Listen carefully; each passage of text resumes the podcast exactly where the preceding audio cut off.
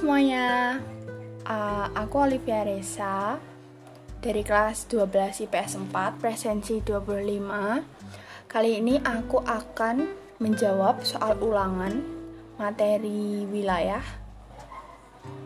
dari Ibu Mirza. Hmm. Kita langsung menuju ke soal nomor satu. Soal nomor satu itu adalah Menurut kalian, bagaimana penataan ruang di Indonesia dari tahun ke tahun? Nah, kalau menurut menurut perkembangan apa ya? Bukan perkembangan sih. Menurut apa yang aku ikuti, perkembangan tata ruang di wilayah Indonesia dari tahun ke tahun untuk beberapa kota menunjukkan perubahan, di mana uh, ada beberapa contoh. Salah satunya Jakarta. Angka kemacetan menurun dan berdampak pada peringkat sebagai kota termacet juga turun. Kemacetan di Jakarta turun 8% dan peringkat dunia pun juga turun. E, sekarang menjadi peringkat ketujuh dengan persentase 53% di tahun 2018. Setahun setelah itu, pemerintah Jakarta meremiskan, meres, meresmikan MRT. Kalian tahu kan MRT yang ada di kayak di drama Korea gitu loh. Pintunya pintu masuknya aja tuh udah bagus. Buat foto pun juga bagus. Sumpah itu keren banget. Nah MR tersebut itu mempunyai tujuan agar dapat mempersingkat waktu tempuh serta mengurangi penggunaan kendaraan pribadi dan penurunan polusi udara. Tak hanya di Jakarta, Kota Palembang pun juga mempunyai LRT atau lintas rel terpadu. Pembangunan ini bertujuan untuk sarana transportasi warga Palembang dan sekitarnya, termasuk untuk menunjang mobilitas penonton atlet pada Pesta Olahraga Asia 2018.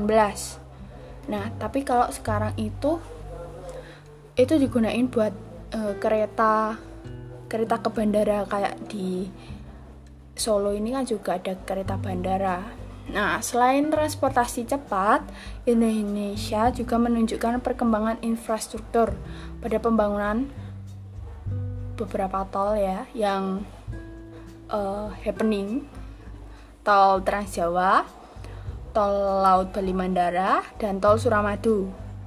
Dari perkembangan pembangunan infrastruktur tersebut, di tahun 2018, Indonesia merupakan negara dengan infrastruktur terbaik ketiga di ASEAN. keren banget gak sih? Perlu kita ketahui bahwa total panjang tol di Indonesia ini setara dengan panjang tol di Hungaria, Eropa Tengah, dan negara-negara maju lainnya. Berarti kita uh luas banget panjang.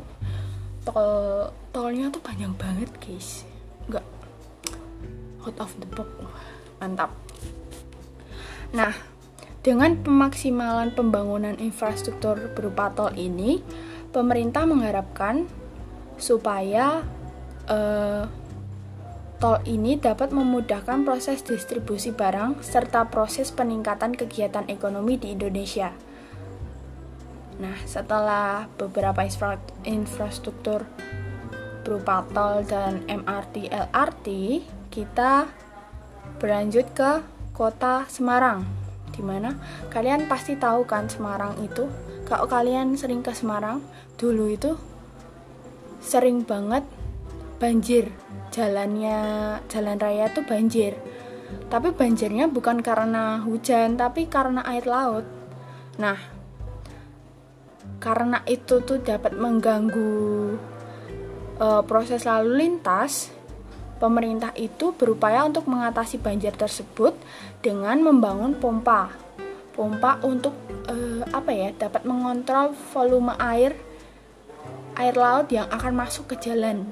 Nah, dari dampak dari pembangunan pompa tersebut itu eh, beberapa wilayah yang dulunya ber um, bukan berakibat sih kayak apa ya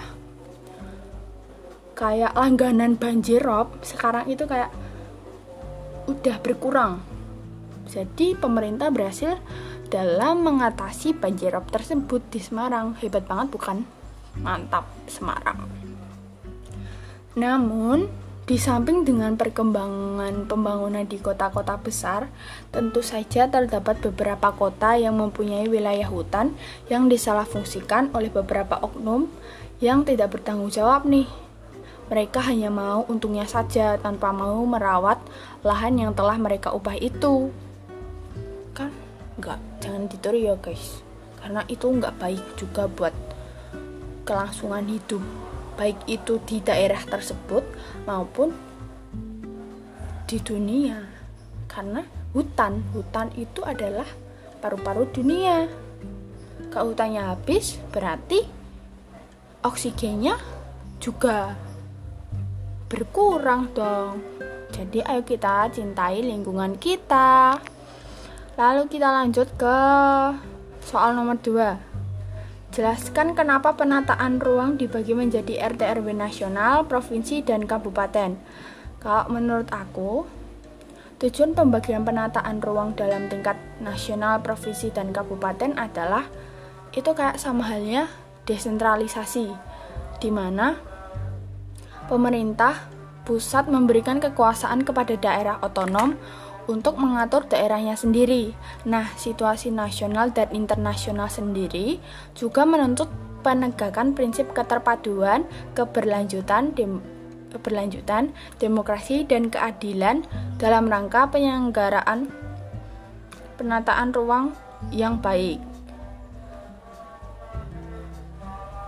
Kebijakan otonomi daerah memberikan wewenang yang semakin besar kepada pemerintah daerah demi menjaga ke keserasian dan keterpaduan, serta tidak menimbulkan kesenjangan. Nah, dari pembagian tersebut, pemerintah berharap agar nantinya tidak ada lagi kasus pembangunan daerah yang tidak merata. Jadi, supaya Indonesia ini tuh pembangunannya tuh sama semua gitu loh baik itu di daerah terpencil maupun di daerah kota-kota besar gitu kalau menurut aku lah ya Lalu kita berlanjut ke nomor tiga. Apabila kamu menjadi pemimpin, penataan ruang yang ideal itu yang bagaimana? Ke aku menjadi pemimpin itu, penataan ruang yang ideal menurutku adalah di mana pembangunan infrastruktur di daerah yang aku pimpin dapat digunakan untuk sarana publik tanpa mengesampingkan lahan hijau karena apabila suatu kota tidak terdapat tam taman kota, maka bisa jadi kualitas udara di kota tersebut buruk. Selain lahan hijau, daerah resapan air juga harus dibangun di berbagai wilayah kota, terutama wilayah dengan potensi banjir, supaya daerah tersebut tidak lagi menjadi daerah langganan banjir dan tentu saja dapat meningkatkan kualitas kesehatan dan kesejahteraan masyarakat kota tersebut. Jadi mereka masyarakat tuh nyaman gitu loh di kota yang aku bangun. Kita lanjut ke soal nomor 4 soal terakhir. Nah soalnya begini bagaimana peran perencanaan dalam masalah mahalnya harga pokok di Indonesia Timur peran perencanaan wilayah dalam hal harga pokok yang tinggi daerah Indonesia Timur itu hmm, sebagai berikut satu Pemetaan wilayah produksi pangan berguna bagi masyarakat agar masyarakat mengetahui apa yang menjadi kendala kendala dari harga bahan pokok yang mahal tersebut. Nah, yang kedua, kelancaran distribusi dari petani di daerah produksi hingga ke pasar tradisional itu sangat penting karena semakin lama proses distribusi, semakin langka dan mahal pula harga bahan pokok tersebut. Karena pemerintah sudah memfasilitasi pembangunan jalan jalan jalan jalan tol Trans Papua yang layak demi kelangsungan pangan di Indonesia Timur, maka pemerintah berharap jika harga pokok di sana bisa berangsur berangsur menurun karena kecepatan distribusi yang mulai membaik.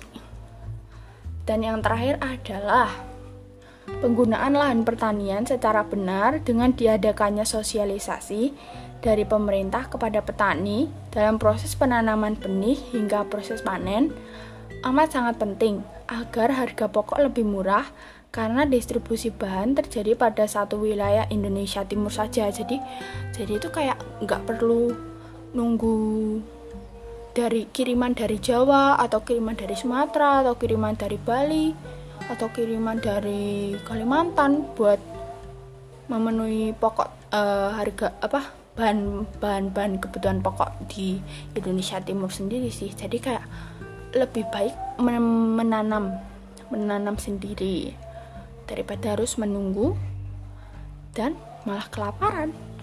Nah, nah begitu jawabanku dari soal ulangan KD wilayah ini. Sampai jumpa di podcast selanjutnya. Eh, ini bukan podcasting. Sampai jumpa di ulangan selanjutnya. Terima kasih sudah mendengarkan.